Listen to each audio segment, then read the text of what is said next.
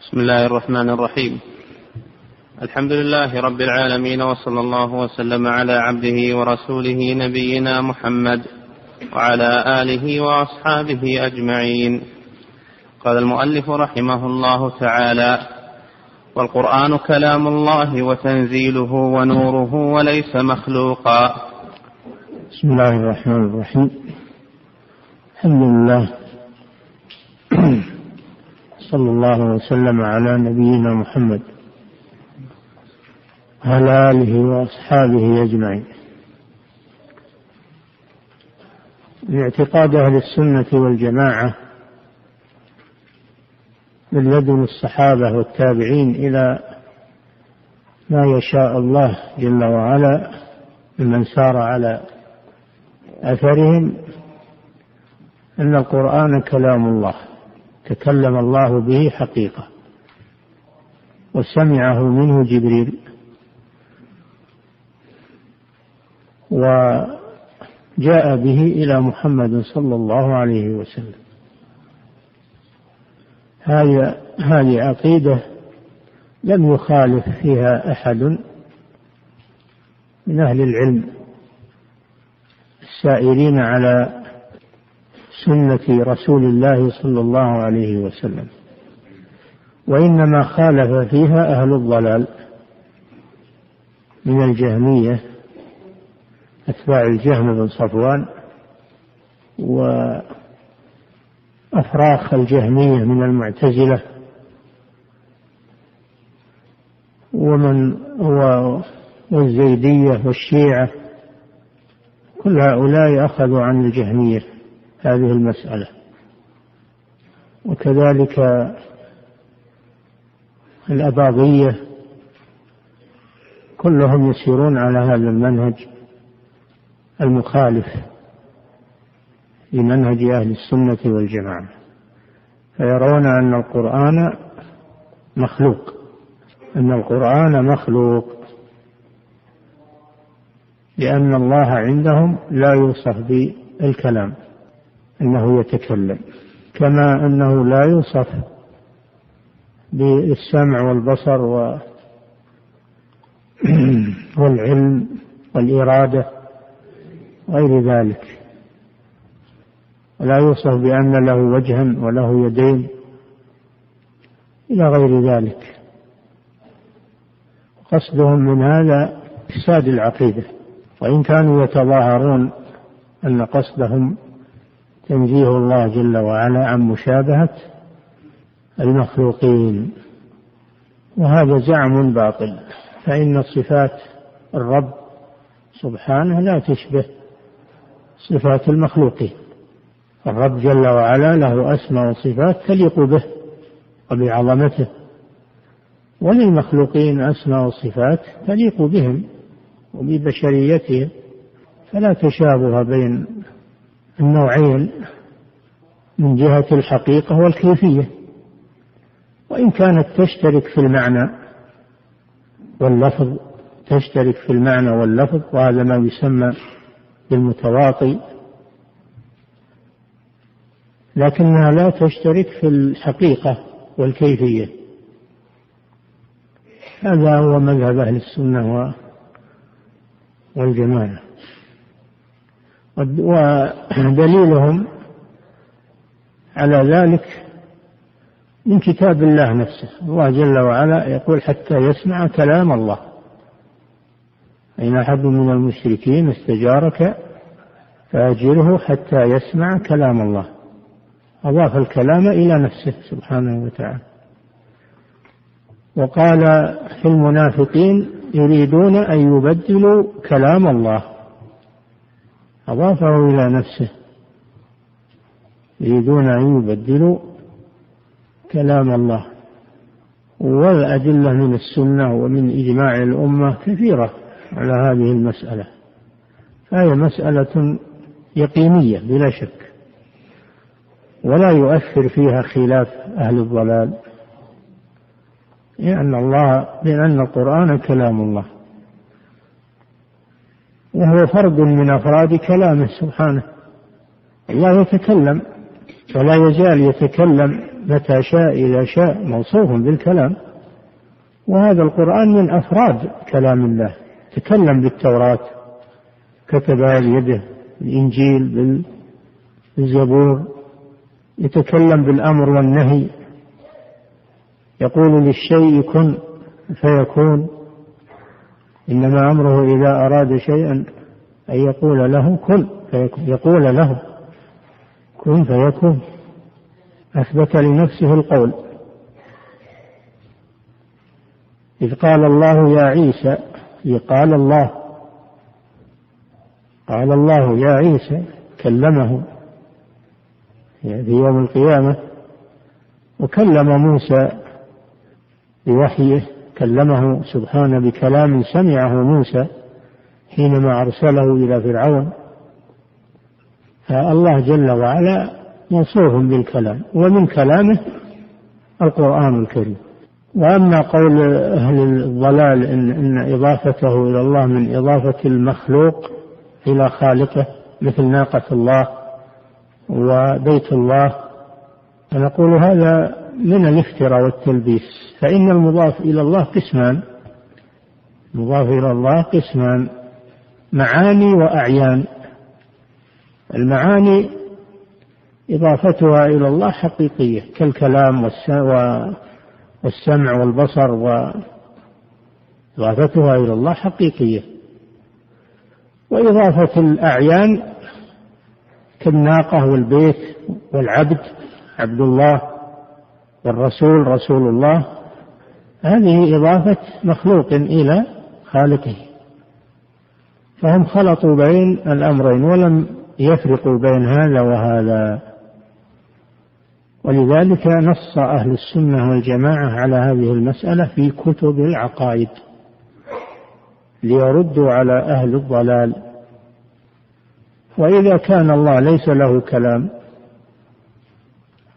فبماذا يأمر وينهى وبماذا يعني تتعطل الأحكام الشرعية وينهدم أصل الأصول وهو القرآن. نحن نستدل على الأحكام أولا بالقرآن. يقولون القرآن ما هو كلام الله. إذا ما صار فيه قرآن فكيف نستدل به؟ نستدل بمخلوق؟ هذا هو قصدهم. هذا هو قصدهم أن أن يبطلوا وجود قرآن بين أيدينا. هو كلام الله جل وعلا وهو مصدر الأحكام الشرعية. يريدون أن يهدموا هذا الأصل. إذا انهدم هذا الأصل انهدم الإسلام. لكن هم يلوذون بالتنزيه. وليس هذا هو التنزيه. هذا تعطيل. فرق بين التعطيل وبين التنزيه. التنزيه هو الذي ذكره الله ليس كمثله شيء. هل تعلم له سميا؟ هذا هو الذي هو التنزيه الذي ذكره الله في قوله أن أن يشبه المخلوق بالخالق أو يساوي المخلوق بالخالق. هذا هو الذي ينزه الله جل وعلا عنه. أما نفي الصفات هذا تعطيل وليس تنزيها. ففرق بين التنزيه والتعطيل. فالتنزيه معه إثبات تنزيه معه إثبات. إثبات الأسماء والصفات لله من غير مع تنزيه الله عن مشابهة المخلوقين. فهو تنزيه مع إثبات. أما التعطيل فليس معه إثبات. تعطيل محض والعياذ بالله. جاءت الأشاعرة بشيء عجيب أعجب من قول الجهمية. فقالوا القرآن ينقسم إلى قسمين معاني وألفاظ. المعاني هذه كلام الله. والله يوصف بأن له كلاما وهو المعنى القائم بنفسه. أما أن الله يتكلم بحروف وبصوت لا. لكن هو معنى قائم بنفسه سبحانه وتعالى. وأما اللفظ فهذا مخلوق وهو من كلام جبريل أو من كلام محمد صلى الله عليه وسلم. فجعلوا القرآن مكون من شيئين من مخلوق وغير مخلوق. فلا هم الذين صاروا مع أهل السنة وقالوا القرآن غير مخلوق ولا هم الذين كانوا مع الجهمية وقالوا القرآن كله مخلوق فهم مذبذبين يتذبذبون. مثل مقالة النصارى في المسيح إنه بشر وإنه هو الله. المسيح مكون من شيئين من اللاهوت والناسوت. يقولون اتحد اللاهوت بالناسوت المسيح عليه السلام. فهو من الله. جزء من الله. وكونه يعني حملت به مريم اتحد بالناسوت فصار المسيح مكون من شيئين شيء إلهي وشيء بشري. هذه حقيقة قول الأشاعرة في القرآن على حد سواء. وهذه من التفاهات التي ما أنزل الله بها من سلطان. الحاصل أن هذه مسألة عظيمة جدا. ولا يهولنكم قول المخذلين الذين يدعون أنهم من أهل السنة ويقولون ما تحتمل هالمسألة ما تحتمل هالجدال. والإمام أحمد صار مبالغ في كونه امتنع أن يقول بخلق القرآن. هو مبالغ ولا تحتمل المسألة كل هذا. وهالردود هذه ما له داعي مسألة خفيفة. هذا موجود في كتابات بعض من ينتسب إلى العلم. فإذا تأملت وجدت المسألة ما هي خفيفة ولا سهلة. إذا جحد القرآن أنه كلام الله ماذا يبقى معنا؟ إذا عطل الرب من صفة الكلام هذا نقص في الرب سبحانه لأن الذي لا يتكلم ليس بإله. والله استدل أو أنه سبحانه عاب على اليهود لما عبدوا العجل. ألم يروا أنه لا يكلمهم؟ ألم يروا أنه لا يكلمهم؟ الرب لابد أن يتكلم. الإله لازم يتكلم. هذا جماد خوار عجل صورة تمثال. ألم يرى أنه لا يكلمهم ولا يهديهم سبيلا؟ اتخذوه وكانوا ظالمين.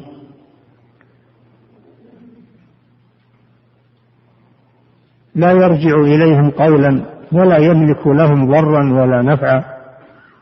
لا يرجع إليهم قولا. لا يجيبهم. لأنه ما جماد ما يتكلم.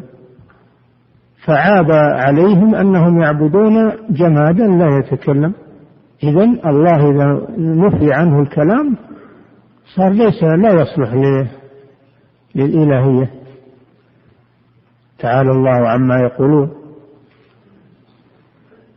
فهذه مسألة عظيمة ولهذا الإمام أحمد رحمه الله وقف موقف الجبال الراسيات ولم يتنازل ولم يتأول وصبر على المحنة صبر على السجن وعلى الضرب وعلى الإهانة من ثلاثة خلفاء المأمون والمعتصم والواثق.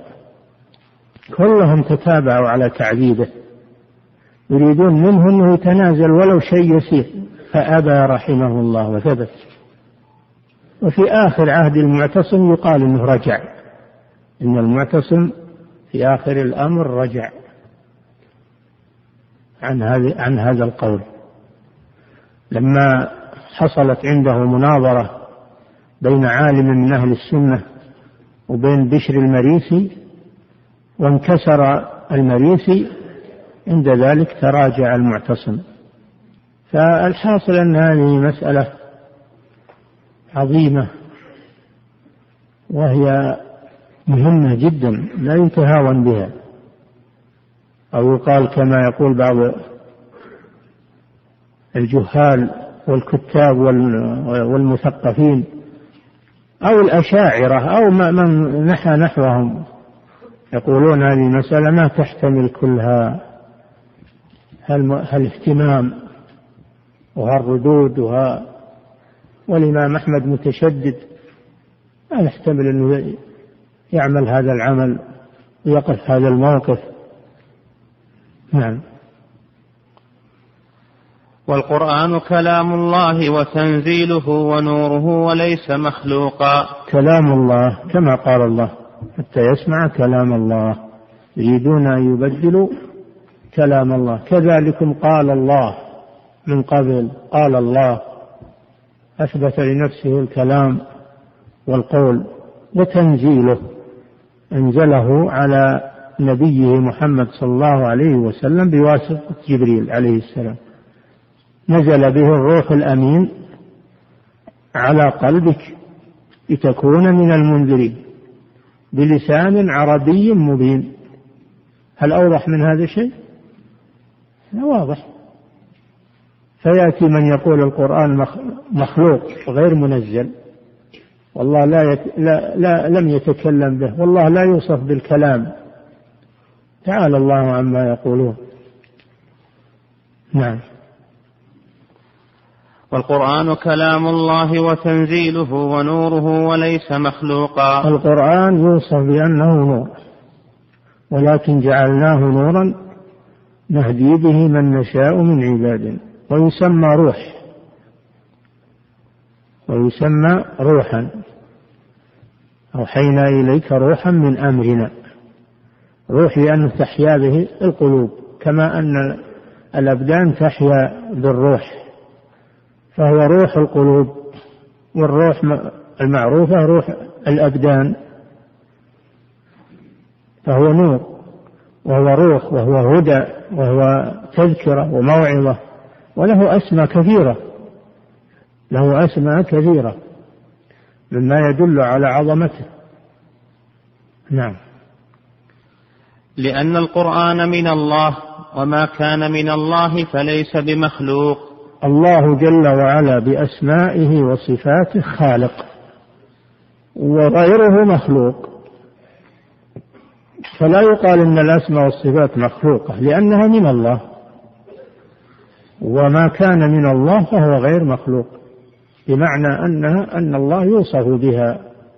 فالله بأسمائه وصفاته خالق وما عداه فهو مخلوق. نعم. لأن القرآن من الله وما كان من الله فليس بمخلوق. وهكذا قال مالك بن أنس وأحمد بن حنبل رحمهما الله. نعم هذا قول الأئمة. ومنهم مالك إمام دار الهجرة والإمام أحمد وعذب على هذا و وأوذي رحمه الله وصبر وغيرهم من أئمة أهل السنة هذا قولهم. نعم. وهكذا قال مالك بن أنس وأحمد بن حنبل ومن قبلهما من الفقهاء ومن بعدهما. يعني ليس لم ينفرد الإمام مالك والإمام أحمد بهذا القول. قال به من قبلهم من الصحابة والتابعين وأتباع التابعين ومن بعدهم من جاء بعدهم من الأئمة. نعم. والمراء فيه كفر. المراء في القرآن هل هو مخلوق أو غير مخلوق؟ أن الإنسان يتشكك ويقول ما أدري يقولون مخلوق وأحد يقول ما هو مخلوق المسألة خلافية. كما يقولون الآن يعني ظهرت ظاهرة الآن كل شيء في خلاف يقول مسألة خلافية.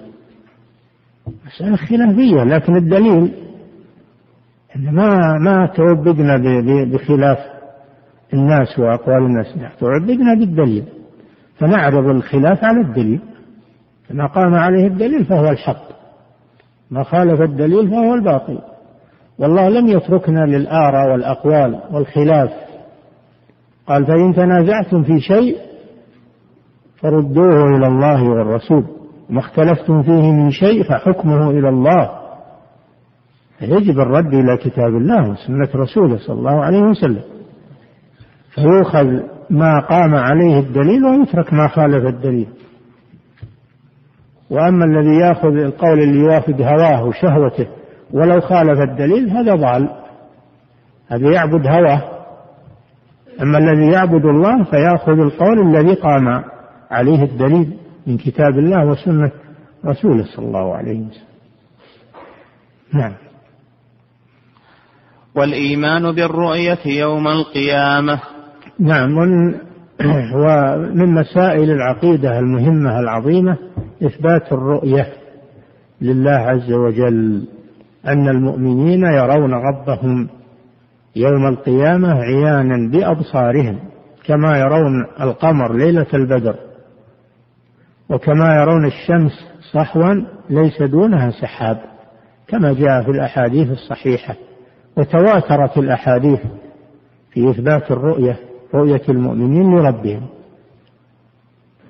وقد ساق الإمام ابن القيم في حاد الأرواح الأحاديث الواردة في هذا وتوسع في ذلك بأسانيدها. وهي متواترة في إثبات الرؤية لله عز وجل أن المؤمنين يرون ربهم عيانا بأبصارهم. وخالف في ذلك خالف في ذلك أهل الضلال من الفرق الضالة كالمعتزلة.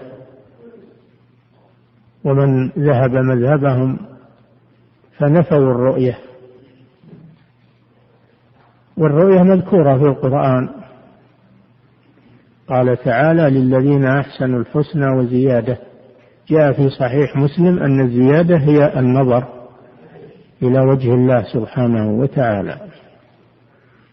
لهم ما يشاءون فيها ولدينا مزيد المزيد هو النظر إلى وجه الله سبحانه وتعالى.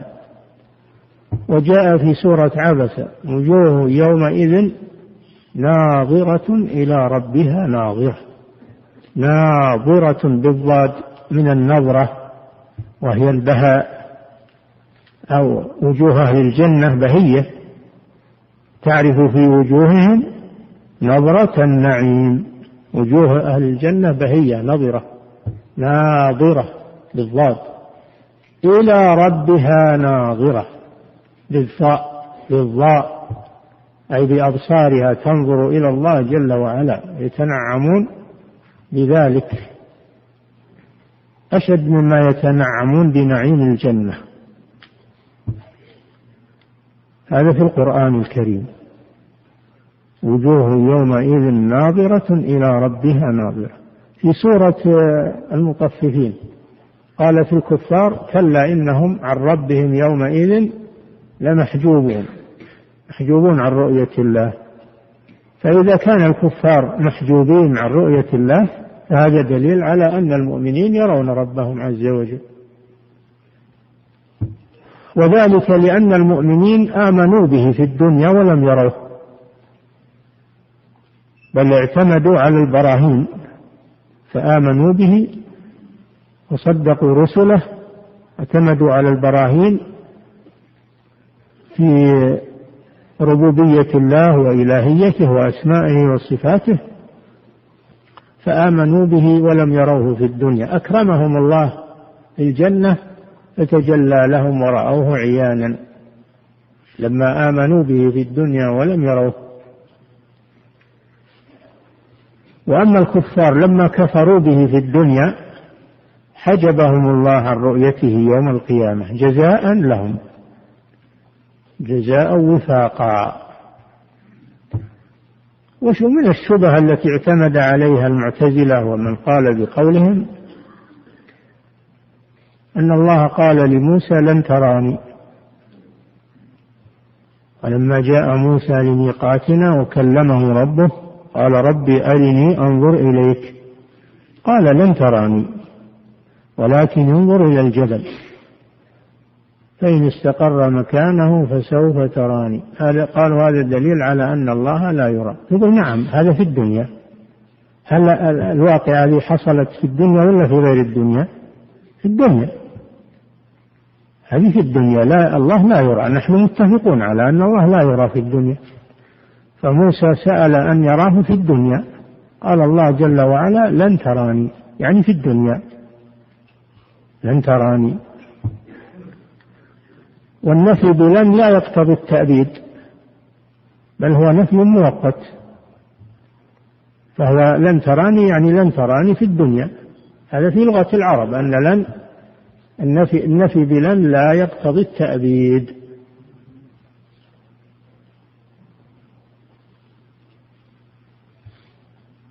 ولهذا يقول ابن مالك في الكافية الشافية في النحو ومن ومن يرى النفي بلن مؤبدا فاردده وسواه فاعضدا وسواه فاعضدا أي أن لن لا تقتضي النفي.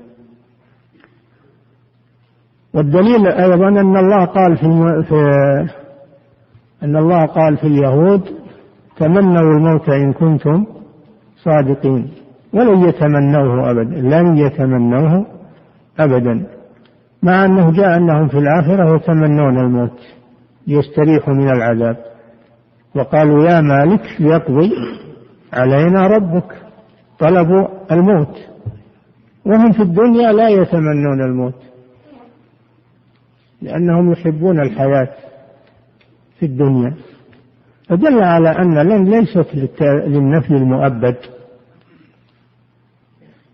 ليست للنفي المؤبد. هذا هو مقتضى اللغة العربية ومقتضى ما دل عليه القرآن.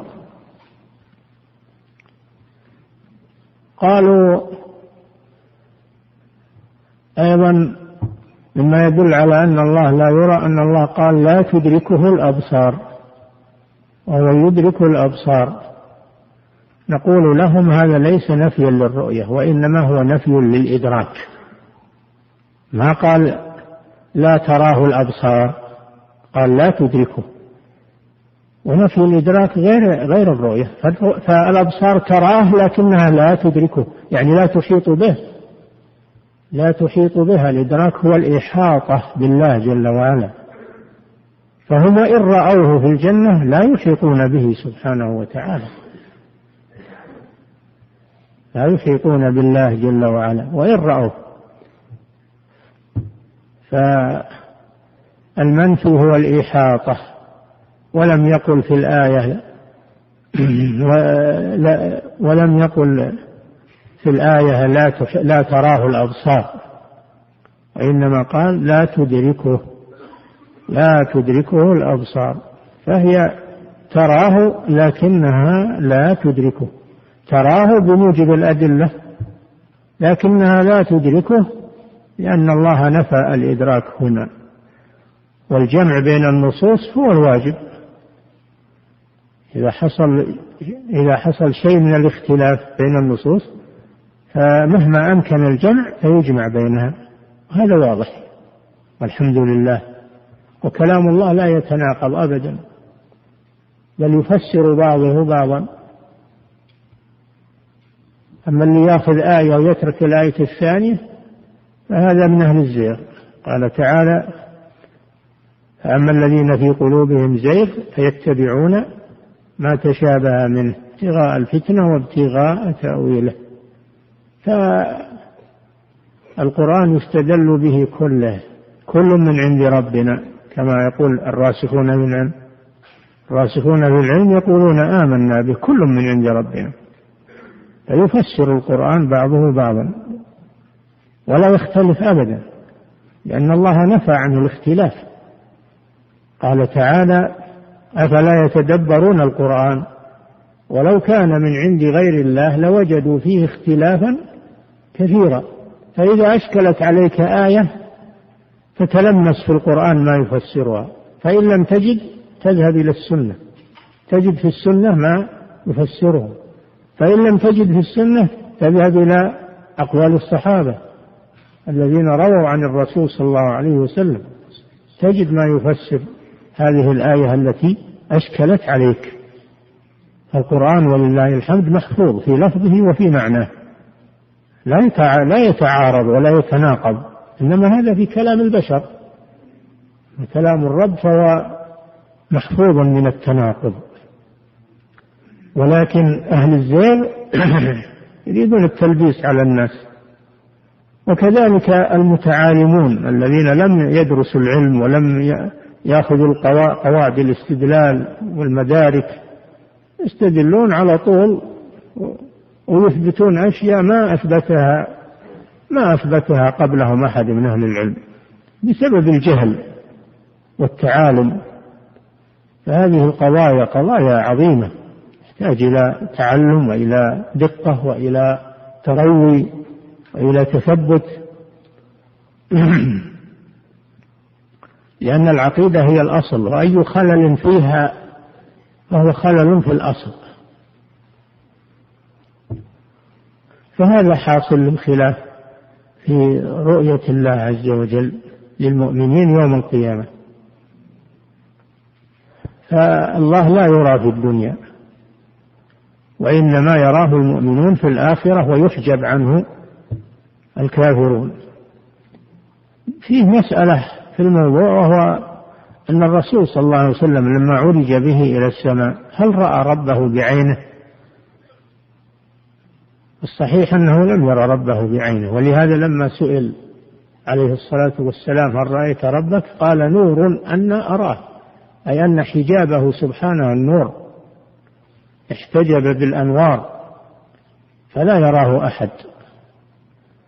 في الدنيا. نور أن أراه. في رواية النوراني أن أراه. فنوراني أراه. في رواية نوراني أراه. يعني أرى نورا أرى نورا. وفي رواية رأيت نورا. أما الله جل وعلا فلم يره النبي صلى الله عليه وسلم ليلة المعراج. لم يره ليلة المعراج. هذا هو الصحيح. الذي عليه جمهور الأمة. نعم. والإيمان برؤية الله يوم القيامة. يرون الله عز وجل. لماذا قال يوم القيامة؟ ها؟ لأنه لا يرى في الدنيا. لأنه لا يرى في الدنيا. نعم. والإيمان برؤية بالرؤية يوم القيامة. لأن يرون الله عز وجل بأعين رؤوسهم. بأعين رؤوسهم نفيا للتأويل. نفيا للتأويل. الذين يقولون معنى يرونه بقلوبهم. يرونه بقلوبهم. نعم. يرون الله عز وجل بأعين رؤوسهم وهو يحاسبهم بلا حجاب ولا ترجمان. نعم. في يوم القيامة عند الحساب يخلو العبد بربه ويحاسبه الله على أعماله. ليس بينه وبينه ترجمان. ترجمان هو الذي ينقل المعنى من لغة إلى لغة. كالذي ينقل المعنى من اللغة الإنجليزية إلى اللغة العربية. أو العكس. هذا هو الترجمان. هو الترجمان الذي ينقل معنى الكلام من لغة إلى لغة لأن اللغات كثيرة. والنبي صلى الله عليه وسلم أمر زيد بن ثابت أن يتعلم لغة اليهود اللغة السريانية والعبرانية. فتعلم رضي الله عنه هذه اللغات لأجل أن يترجم للرسول صلى الله عليه وسلم. نعم. والإيمان بالميزان يوم القيامة.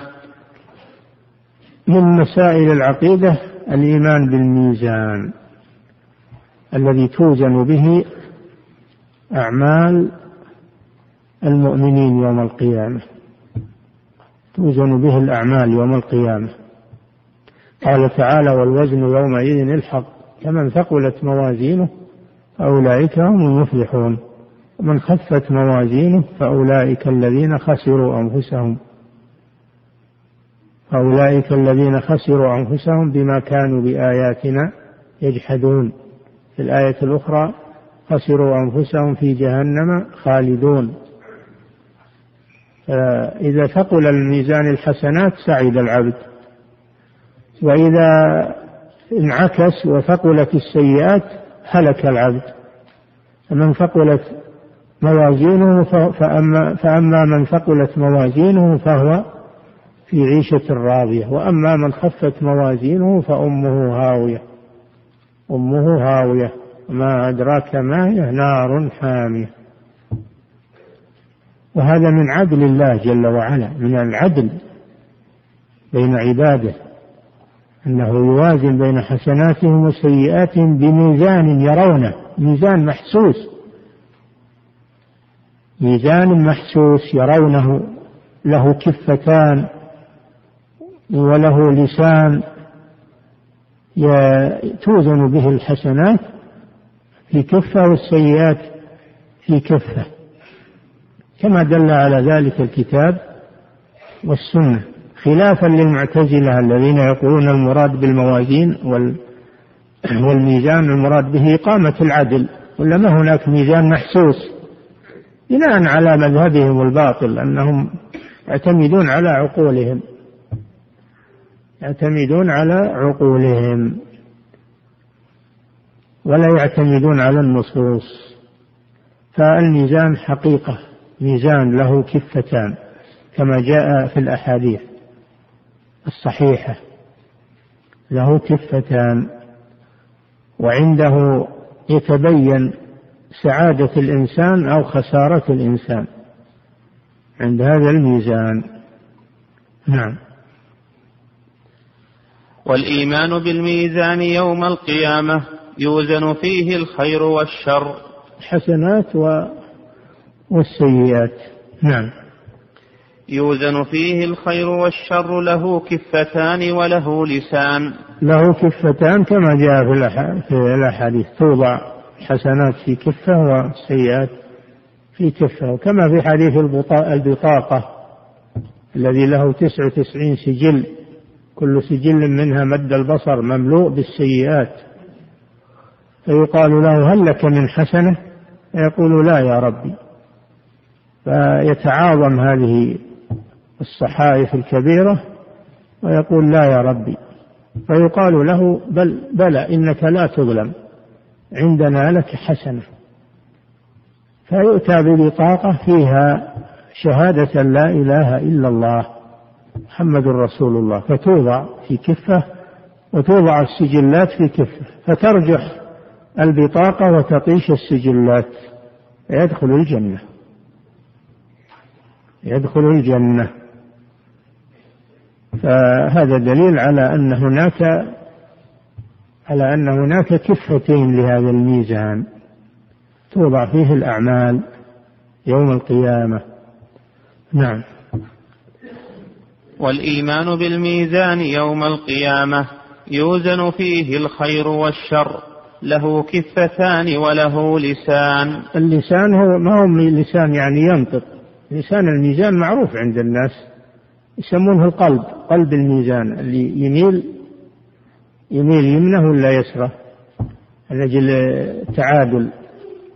هذا هو اللسان لسان الميزان. يعني القلب الذي يعتدل إذا تساوت الكفتان اعتدل الميزان القلب. وإذا رجحت كفة مال القلب. نعم. والإيمان بعذاب القبر ومنكر ونكير. كذلك من عقيدة أهل السنة والجماعة الإيمان بعذاب القبر ونعيم القبر. فالميت إما أن يعذب في قبره وإما أن ينعم إلى أن يبعث يوم القيامة. والقبر هو منزلة بين الدنيا والآخرة ولذلك يسمى بالبرزخ. والبرزخ هو الحاجز بين شيئين. بينهما مرج البحرين يلتقيان بينهما برزخ لا يبغيان. لا يبغي المالح على على العذب ولا يبغي العذب على المالح لأن الله جعل بينهما فاصلا. لا يختلط هذا بهذا فالبرزخ هو الفاصل بين الشيئين لأن الدور ثلاث دار الدنيا ودار البرزخ ودار القرار. هذه الدور التي يمر بها العباد. دار الدنيا دار البرزخ وهي محل الانتظار محطة محطة انتظار ودار القرار. والله جل وعلا يقول حتى زرتم المقابر. فدل على أن المقابر ليست محل إقامة بل هي مثل الزائر اللي يزور ويرتحل. جعل المكس في المقابر زيارة لأنه يقيم فيها ثم يرتحل. لكن في فترة وجوده في القبر يأتيه ملكان أول ما يوضع في القبر ويسوى عليه التراب وينصرف الناس عنه. وإنه ليسمع قرع نعالهم منصرفين. يأتيه ملكان في القبر فيجلسانه وتعاد روحه في جسده ويحيا حياة برزخية ما مثل حياته الدنيا. فيسألانه من ربك؟ وما دينك؟ ومن نبيك؟ إذا أجاب على هذه الأسئلة نجح. هي بس كثيرة مثل ما عندكم بالامتحان أوراق كثيرة؟ لا ثلاث أسئلة. ثلاثة أسئلة. من ربك وما دينك ومن نبيك. فإن قال ربي الله والإسلام ديني ومحمد صلى الله عليه وسلم نبيي فإنه يسعد سعادة لا لا شقاء بعدها.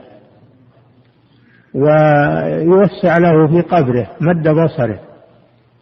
ويأتيه ويفتح له باب إلى الجنة ويأتيه من روحها وطيبها. ويؤمر له بفراش من الجنة. فلا يزال في نعيم منعم في قبره.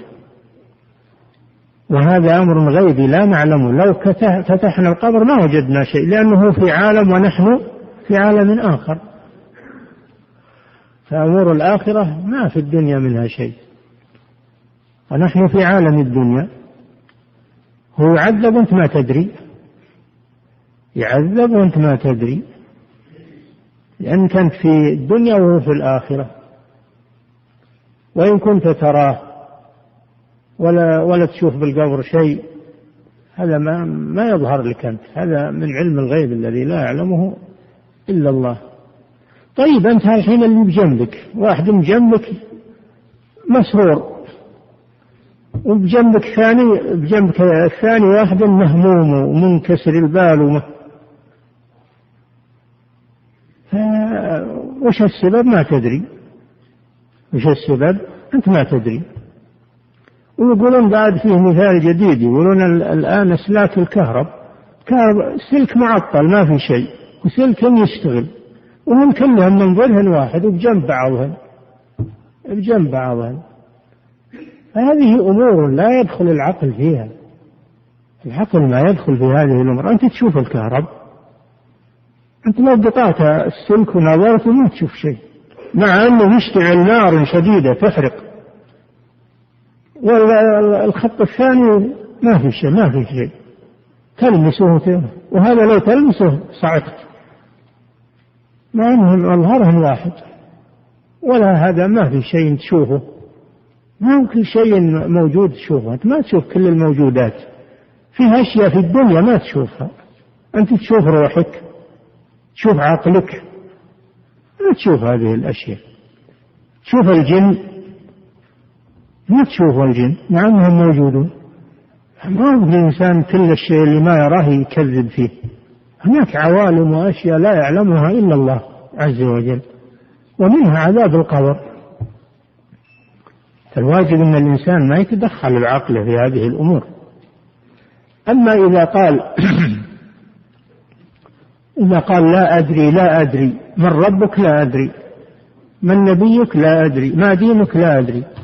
حتى وإن كان في الدنيا متعلما ويحفظ المتون والشروح ويحفظ اللغة وخطيب مصقع ومتحدث مفوه لكن إذا كان ما عنده إيمان يتلعثم في القبر ويعجز عن الجواب. يعجز عن الجواب. العمدة على الإيمان؟ ما هي على الحفظ ولا الاطلاع ولا العمدة على الإيمان؟ ولا على الذكاء العمدة على الإيمان؟ فالمنافق يقول لا أدري مع أنه يكون عالم في الدنيا متضلع حضر لكن عندما يسأل عنها المسائل يتلجلج ها ها لا أدري. سمعت الناس يقولون شيئا فقلته. فيفتح له باب إلى النار ويضيق عليه في قبره حتى تختلف أضلاعه ويأتيه من سمومها وحرها ولا يزال كذلك. يفرش له فراش من النار عذاب القبر. فعذاب القبر أو نعيمه هذا ثابت. في السنة قال صلى الله عليه وسلم تعوذوا بالله من أربع من عذاب القبر من عذاب جهنم ومن عذاب القبر ومن فتنة المحيا والممات ومن فتنة المسيح الدجال. كان صلى الله عليه وسلم يتعوذ من عذاب القبر.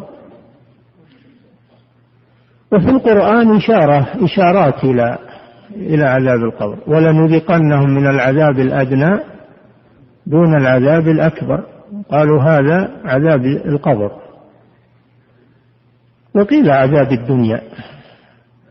وفي قوله تعالى في فرعون وقومه النار يعرضون عليها غدوا وعشيا.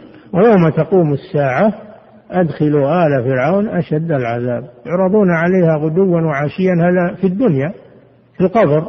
لما ماتوا صاروا يعرضون على النار غدوا وعشيا. فإذا قامت القيامة يقال أدخلوا آل فرعون أشد العذاب والعياذ بالله. ولنذيقنهم من العذاب الأدنى. أدخلوا آل فرعون. أشد العذاب. هذه إشارات إلى عذاب إلى عذاب القبر. فعذاب القبر متواتر. الأدلة فيه متواترة. فمن كذب بعذاب القبر من المعتزلة ومن نحى نحوهم فإنه مخالف للأدلة المتواترة. ويكون مختل العقيدة والعياذ بالله وفاقدا لأصل من أصول العقيدة وهو الإيمان بعذاب القبر. فإن كان متعمدا عارفا بالنصوص وعارفا لكن يكابر وينفي فهو كافر. أما إذا كان متأولا أو مقلدا أو جاهلا فهذا لا يكفر. لكن يقال إنه ضال. يضلل ولا يكفر. نعم. والإيمان بعذاب القبر ومنكر ونكير. منكر ونكير اسم للملكين اللذين يأتيانه بصورة مروعة. يأتيه ملكان بصورة مروعة. يقال له هل لأحدهما المنكر والآخر النكير كما جاء ذلك في الحديث. نعم. والإيمان بحوض رسول الله صلى الله عليه وسلم. نعم كذلك من أصول أهل السنة والجماعة الإيمان بالحوض حوض الرسول صلى الله عليه وسلم. له حوض وكل نبي من الأنبياء له حوض ترده أمته. ترده أمته. لأن الناس يصيبهم عطش شديد. يحتاجون إلى الماء. وحوض نبينا هو أعظم الحياض. طوله شهر وعرضه شهر. ماؤه أشد بياضا من اللبن وأحلى من العسل. وآنيته عدد نجوم السماء. من يشرب منه شربة لم يظمأ بعدها أبدا. ويذاد عنه يذاد عنه المرتدون الذين ارتدوا بعد الرسول صلى الله عليه وسلم. ويذاد عنه من كذب به والله أعلم. من أهل البدع. نعم. والإيمان بحوض رسول الله صلى الله عليه وسلم ولكل نبي حوض إلا صالح عليه السلام فإن حوض. هذا الاستثناء لم يثبت. استثناء صالح هذا لم يثبت. والصواب أن لكل نبي حوض كما جاء في الحديث. نعم. والإيمان بحوض رسول الله صلى الله عليه وسلم ولكل نبي حوض إلا صالح عليه السلام فإن حوضه ضرع ناقته. الله أعلم. هذا لم يثبت ورواته مطعون فيهم. نعم. والإيمان بشفاعة رسول الله صلى الله عليه وسلم للمذنبين الخاطئين يوم القيامة. نعم من أصول أهل السنة والجماعة الإيمان بالشفاعة بالشروط التي ذكرها الله جل وعلا أن تكون بإذنه وأن يكون المشفوع فيه من أهل الإيمان. أما إن كان المشفوع فيه من أهل الكفر فإنها لا تقبل فيه الشفاعة. قال تعالى فما تنفعهم شفاعة الشافعين ما للظالمين من حميم ولا شفيع يطاع. الكافر ليس فيه شفاعة. ليس فيه شفاعة أبدا. وأما المؤمن فإن الشفاعة ثابتة في حقه إذا أذن الله جل وعلا.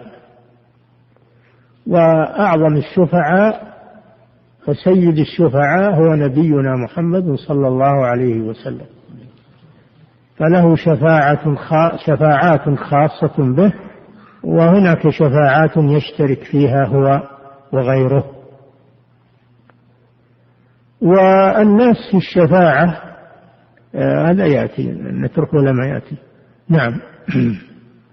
والإيمان بشفاعة رسول الله صلى الله عليه وسلم للمذنبين الخاطئين يوم القيامة وعلى الصراط. نعم. الرسول صلى الله عليه وسلم هو أعظم من يشفع يوم القيامة بل إنه يشفع في أهل الموقف كلهم. أن أن أن الله يريحهم من الموقف ويحاسبهم لأنه يطول عليهم الموقف. مع الضنك الشديد والحر الشديد والعطش الشديد والخوف يطول عليهم الموقف موقف الحشر. فيتقدمون إلى أولي العزم من من الرسل. يطلبون منهم أن يدعوا الله أن يريحهم من الموقف. إما إلى الجنة وإما إلى النار. فيأتون إلى آدم فيعتذر يأتون إلى نوح فيعتذر. يأتون إلى إبراهيم فيعتذر يأتون إلى موسى فيعتذر يأتون إلى عيسى فيعتذر يأتون إلى محمد صلى الله عليه وسلم فيقول أنا لها. ثم يأتي ويخر ساجدا تحت العرش. يخر ساجدا تحت العرش لأنه ما يشفع أحد إلا بإذن الله. فهو يخر ساجدا ويدعو ربه حتى يقال له يا محمد ارفع رأسك واشفع وقل واسأل تعطى واشفع تشفع. فيأذن الله له بالشفاعة فيشفع في أهل المحشر في أن في أن ينتقلوا من المحشر إلى الحساب. وهذه هي الشفاعة العظمى التي فضله الله بها على الخلق. قال تعالى ومن الليل فتهجد به نافلة لك عسى أن يبعثك ربك مقاما محمودا. المقام المحمود هو الشفاعة العظمى. وفي الدعاء الذي يقال بعد بعد الأذان آت محمد الوسيلة والفضيلة وابعثه مقاما محمودا الذي وعدته. هذه الشفاعة العظمى. وكذلك يشفع في أهل الذنوب أهل الكبائر من الأمة أهل الكبائر من الأمة. يشفع فيهم صلى الله عليه وسلم إما أن لا يدخلوا النار وإما أن يخرجوا منها إذا دخلوها. فيشفع فيهم صلى الله عليه وسلم وهذه ليست خاصة به فهو يشفع وجميع الأنبياء يشفعون والأولياء يشفعون والأفراط. وهم الذين ماتوا صغارا يشفعون في أهل الكبائر خلافا للجهمية والمعتزلة والخوارج خلافا للخوارج بالذات خلافا للخوارج والخوارج هم الذين يخرجون على الأئمة أئمة المسلمين بالسيف ويشقون عصا الطاعة. وأيضا الذين يكفرون يكفرون المسلم بالكبائر التي دون الشرك هؤلاء هم الخوارج. سموا خوارج لأنهم خرجوا عن آه، خرجوا عن المشروع خرجوا عن المشروع وخرجوا على ولي الأمر وشقوا عصا الطاعة هؤلاء ينفون الشفاعة. ويقولون من دخل النار لا يخرج منها. لا يخرج منها. قال تعالى وما هم بخارجين من النار. يقول سبحان الله هذه في الكفار. هذه في الكفار. سياق الآية الآيات في الكفار. وأما الشفاعة المقصودة فهي في أهل الإيمان.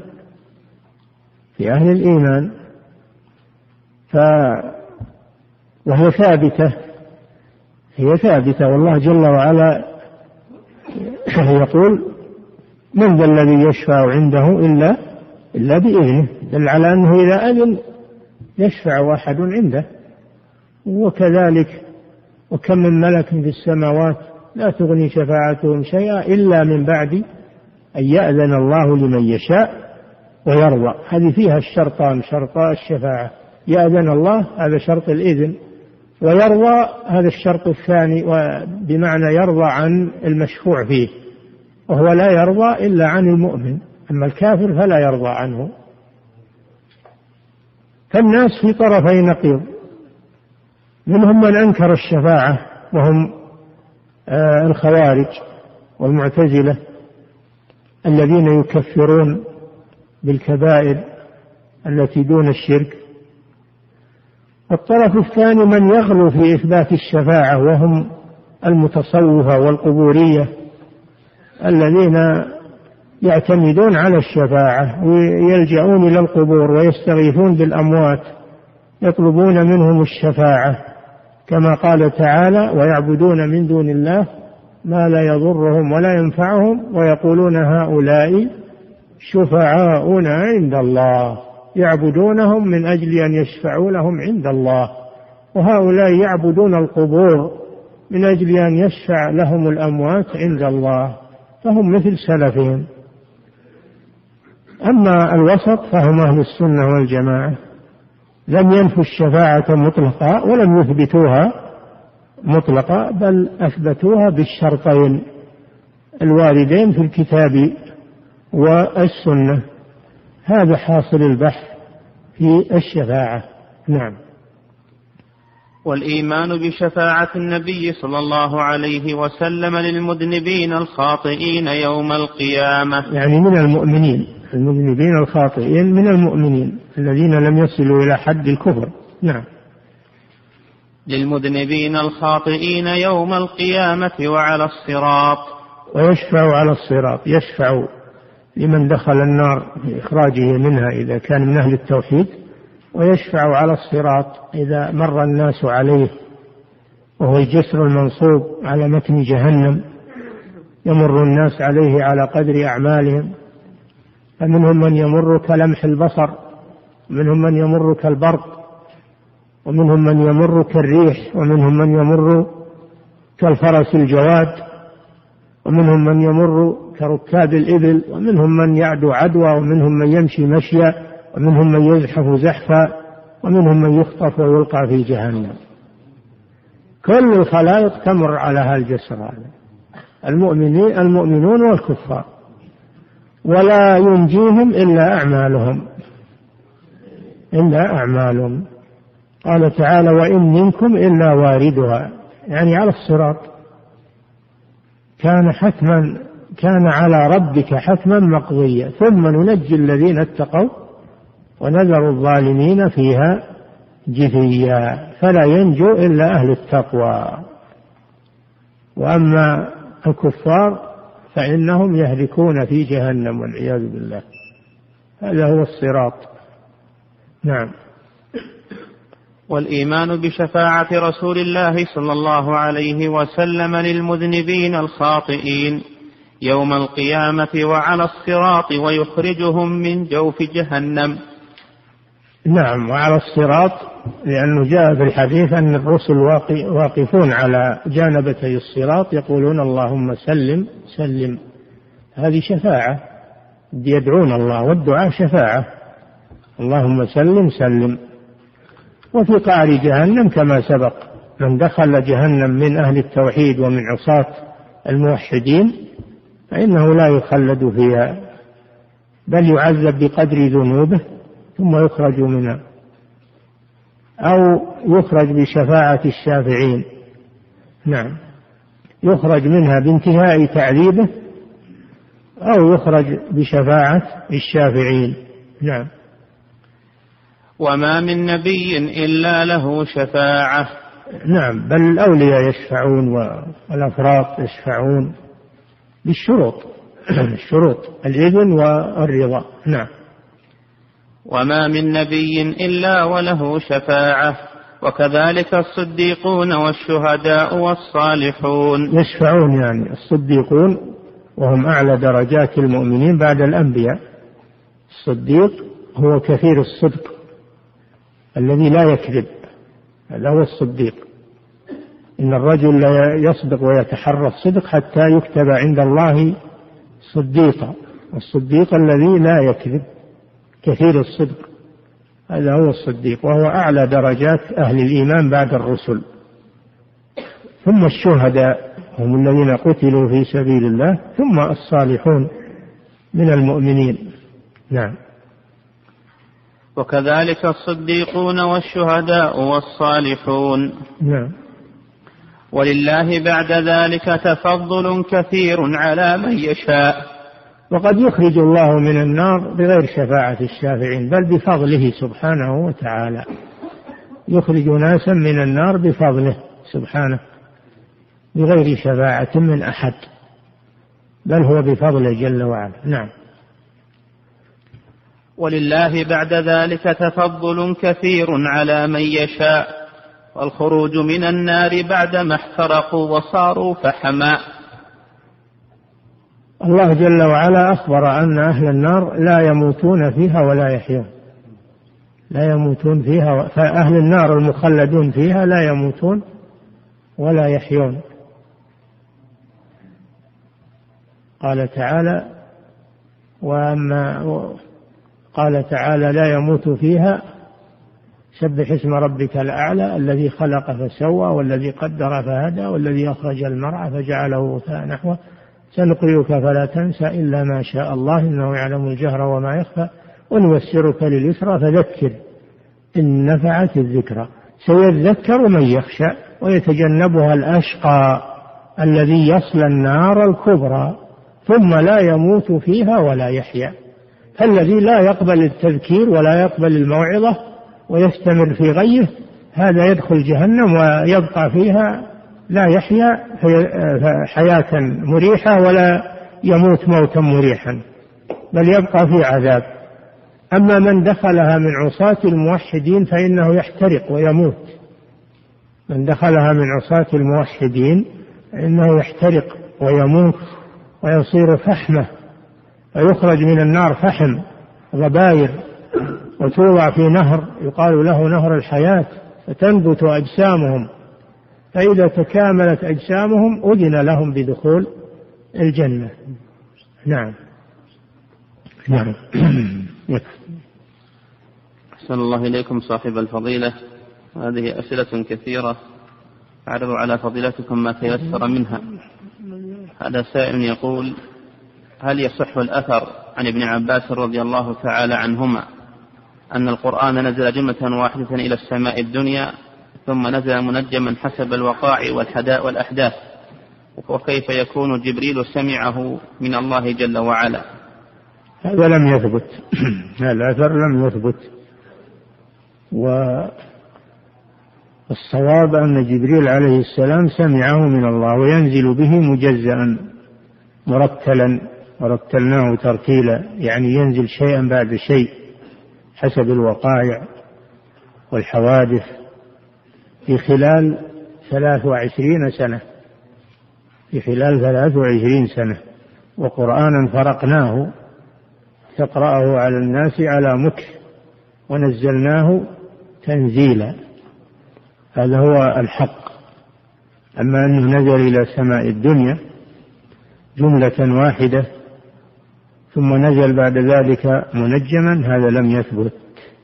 وهو يخالف الأدلة الصحيحة ويخالف القرآن.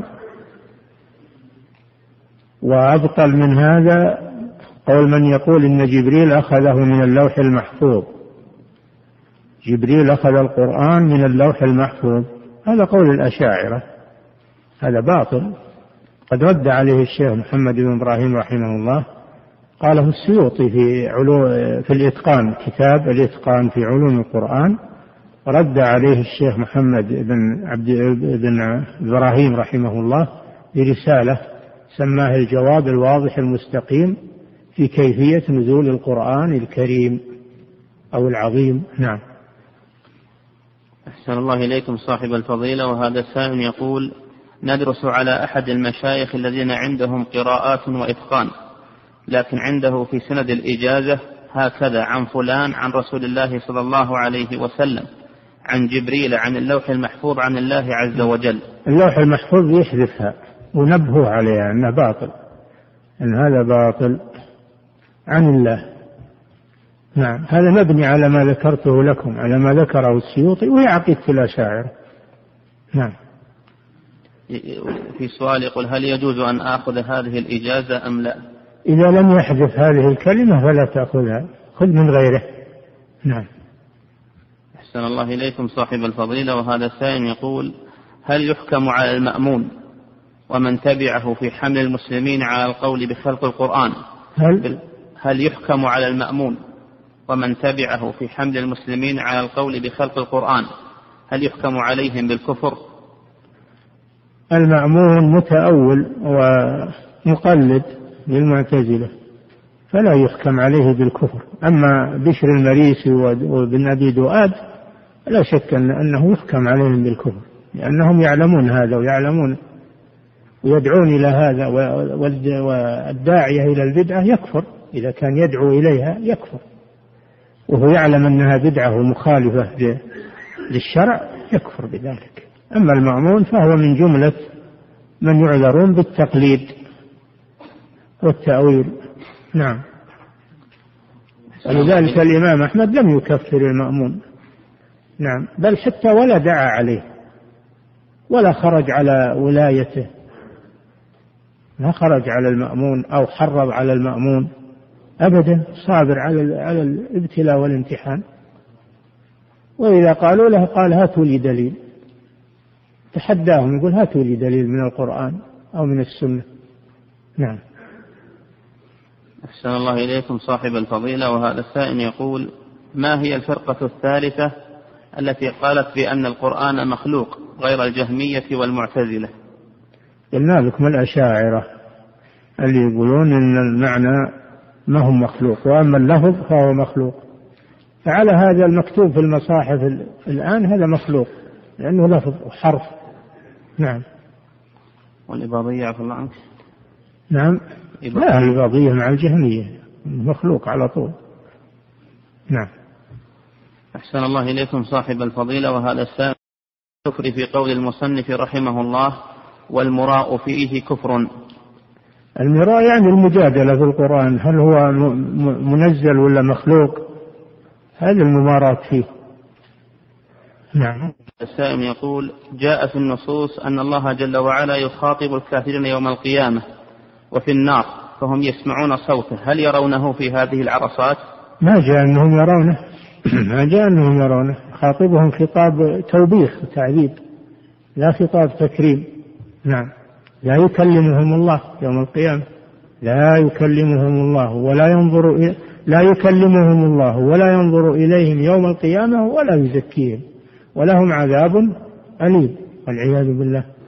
نعم. أحسن الله إليكم صاحب الفضيلة وهذا السائل يقول هل من الممكن أن يرى الله جل وعلا في المنام؟ نعم من الممكن؟ من الممكن أن يرى في المنام؟ نعم المنام غير غير اليقظة. إنما ننفي هذا في اليقظة في الدنيا أما في المنام يمكن. نعم لمن تأهل لهذا لمن تأهل لهذا هم كل واحد. من الخرافيين ولا يقول إني رأيت الله. لا. إذا كان من أهل الإيمان والعقيدة والعلم يمكن. أما إذا كان من الخرافيين ومن الدجالين فلا يصدق. نعم. أحسن الله إليكم صاحب الفضيلة وهذا السائل يقول هل يجوز رسم الميزان الذي يوزن به الأعمال يوم القيامة حيث رأيت ذلك في بعض الكتب والمطويات؟ لا. هذا لا يجوز. أمور الآخرة ما تقاس في أمور الدنيا. الميزان في الآخرة ما يقاس الميزان الدنيا اللي عند البقال وعند آه، السوبر ماركت وعند هذا من العبث. هذا أمر لا يجوز. بل صور الجنة والنار. في مطويات فيها صورة الجنة وصورة النار صورة الميزان وصورة الحساب. هذا من العبث. يسمون هذا من وسائل الدعوة. ما هو من وسائل الدعوة؟ هذا من وسائل العبث. والحكم على المغيبات. لا يجوز هذا العمل. نعم. أحسن الله إليكم صاحب الفضيلة وهذا السائل يقول هل الأشياء التي توزن يوم القيامة ثلاثة؟ العمل والعامل والصحائف والسجلات؟ نعم هو كذلك. توزن العمل والعامل ولا نقيم لهم يوم القيامة وزنا. والصحائف. التي فيها الأعمال. نعم. أحسن الله إليكم صاحب الفضيلة وهذا ما يبتوزن الصحائف وحدها. الصحائف اللي فيها العمل الكتابة كتابة الملكين فيها الحسنات والسيئات. نعم. أما أنها توزن مستقلة لا. نعم. أحسن الله إليكم صاحب الفضيلة. هذا السائل يقول هل الميت بعد دفنه ترسل روحه إلى السماء؟ ثم ترجع روحه بعد هذا فيسأل في قبره الأسئلة الثلاثة. نعم الميت حين تقبض روحه يصعدون بها إلى السماء. المؤمن يفتح لها أبواب السماء ولا الكافر تغلق دونها أبواب السماء وتطرح إلى الأرض كما في حديث البراء بن عازب الطويل. كما في حديث البراء بن عازب في أن الروح يصعد بها الملائكة. فروح المؤمن تفتح لها أبواب السماء. روح الكافر تغلق. لا تفتح لهم أبواب السماء ولا يدخلون الجنة. نعم. أحسن الله إليكم صاحب الفضيلة وهذا السائل يقول هل العذاب في القبر على الجسد أم على الروح؟ الجميع. على الجميع لا يقال على الجسد فقط ولا يقال على الروح فقط إنما يقال على الجميع. يمكن يقول واحد شلون الجسد وهو صار تراب؟ نعم يعذب التراب المتحلل من هذا الجسد. يعذب نعم. أحسن الله إليكم صاحب الفضيلة هذا السؤال وقد تكرر يقول قبل عدة أيام انتشر بين الناس صورة لرجل خرج من قبره وقد تغيرت ملامحه. وأصبح في منظر لا يستطيع أحد أن يراه. هل هذا صحيح أو هذا من عذاب القبر الذي سلطه الله على هذا الشخص؟ نحن يعيش معنا دجالون وكذابون يعيشون معنا إما داخل بلادنا وإما يندسون من الخارج ويروجون هذه الأمور. في المدينة من سنة من كم سنة زينوا ميتا متلفلف عليه حية. تلهلة عليه حية ثعبان. وقد أبطل أهل المدينة هذه الحكاية. وقالوا ما رأيناها ولا لها ولا حصلت وإنما هي كذب. ثم الآن جابوا واحد طلع من القبر. يعني بالقبر ما هو طالع إلى يوم القيامة. ما هو طالع إلى الدنيا أبدا. إلى يوم القيامة ما هو طالع. هذا من الكذب. من التدجيل ويجون بطريق الموعظة. ربما يكون هذا ما هو مخرف ولا ولكن من الاجتهاد. وهو جاهل يجتهد وهو جاهل يبي يذكر الناس. هذا مثل اللي يضعون الحديث.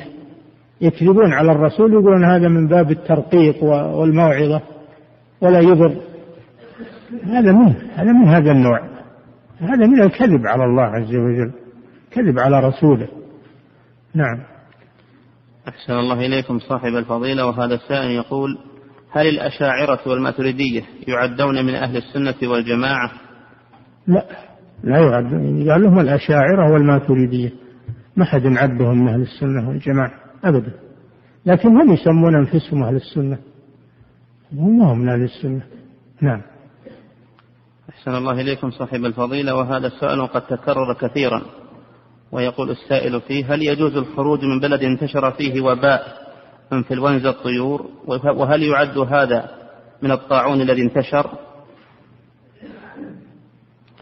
البلاد التي ينتشر فيها الوباء لا يجوز الخروج منها ولا يجوز القدوم إليها كما في الحديث. فإذا كان في بلد وباء انتشر فأنت لا تروح لها ترجع. وقد رجع عمر رضي الله عنه عن الشام لما وقع فيه الطاعون.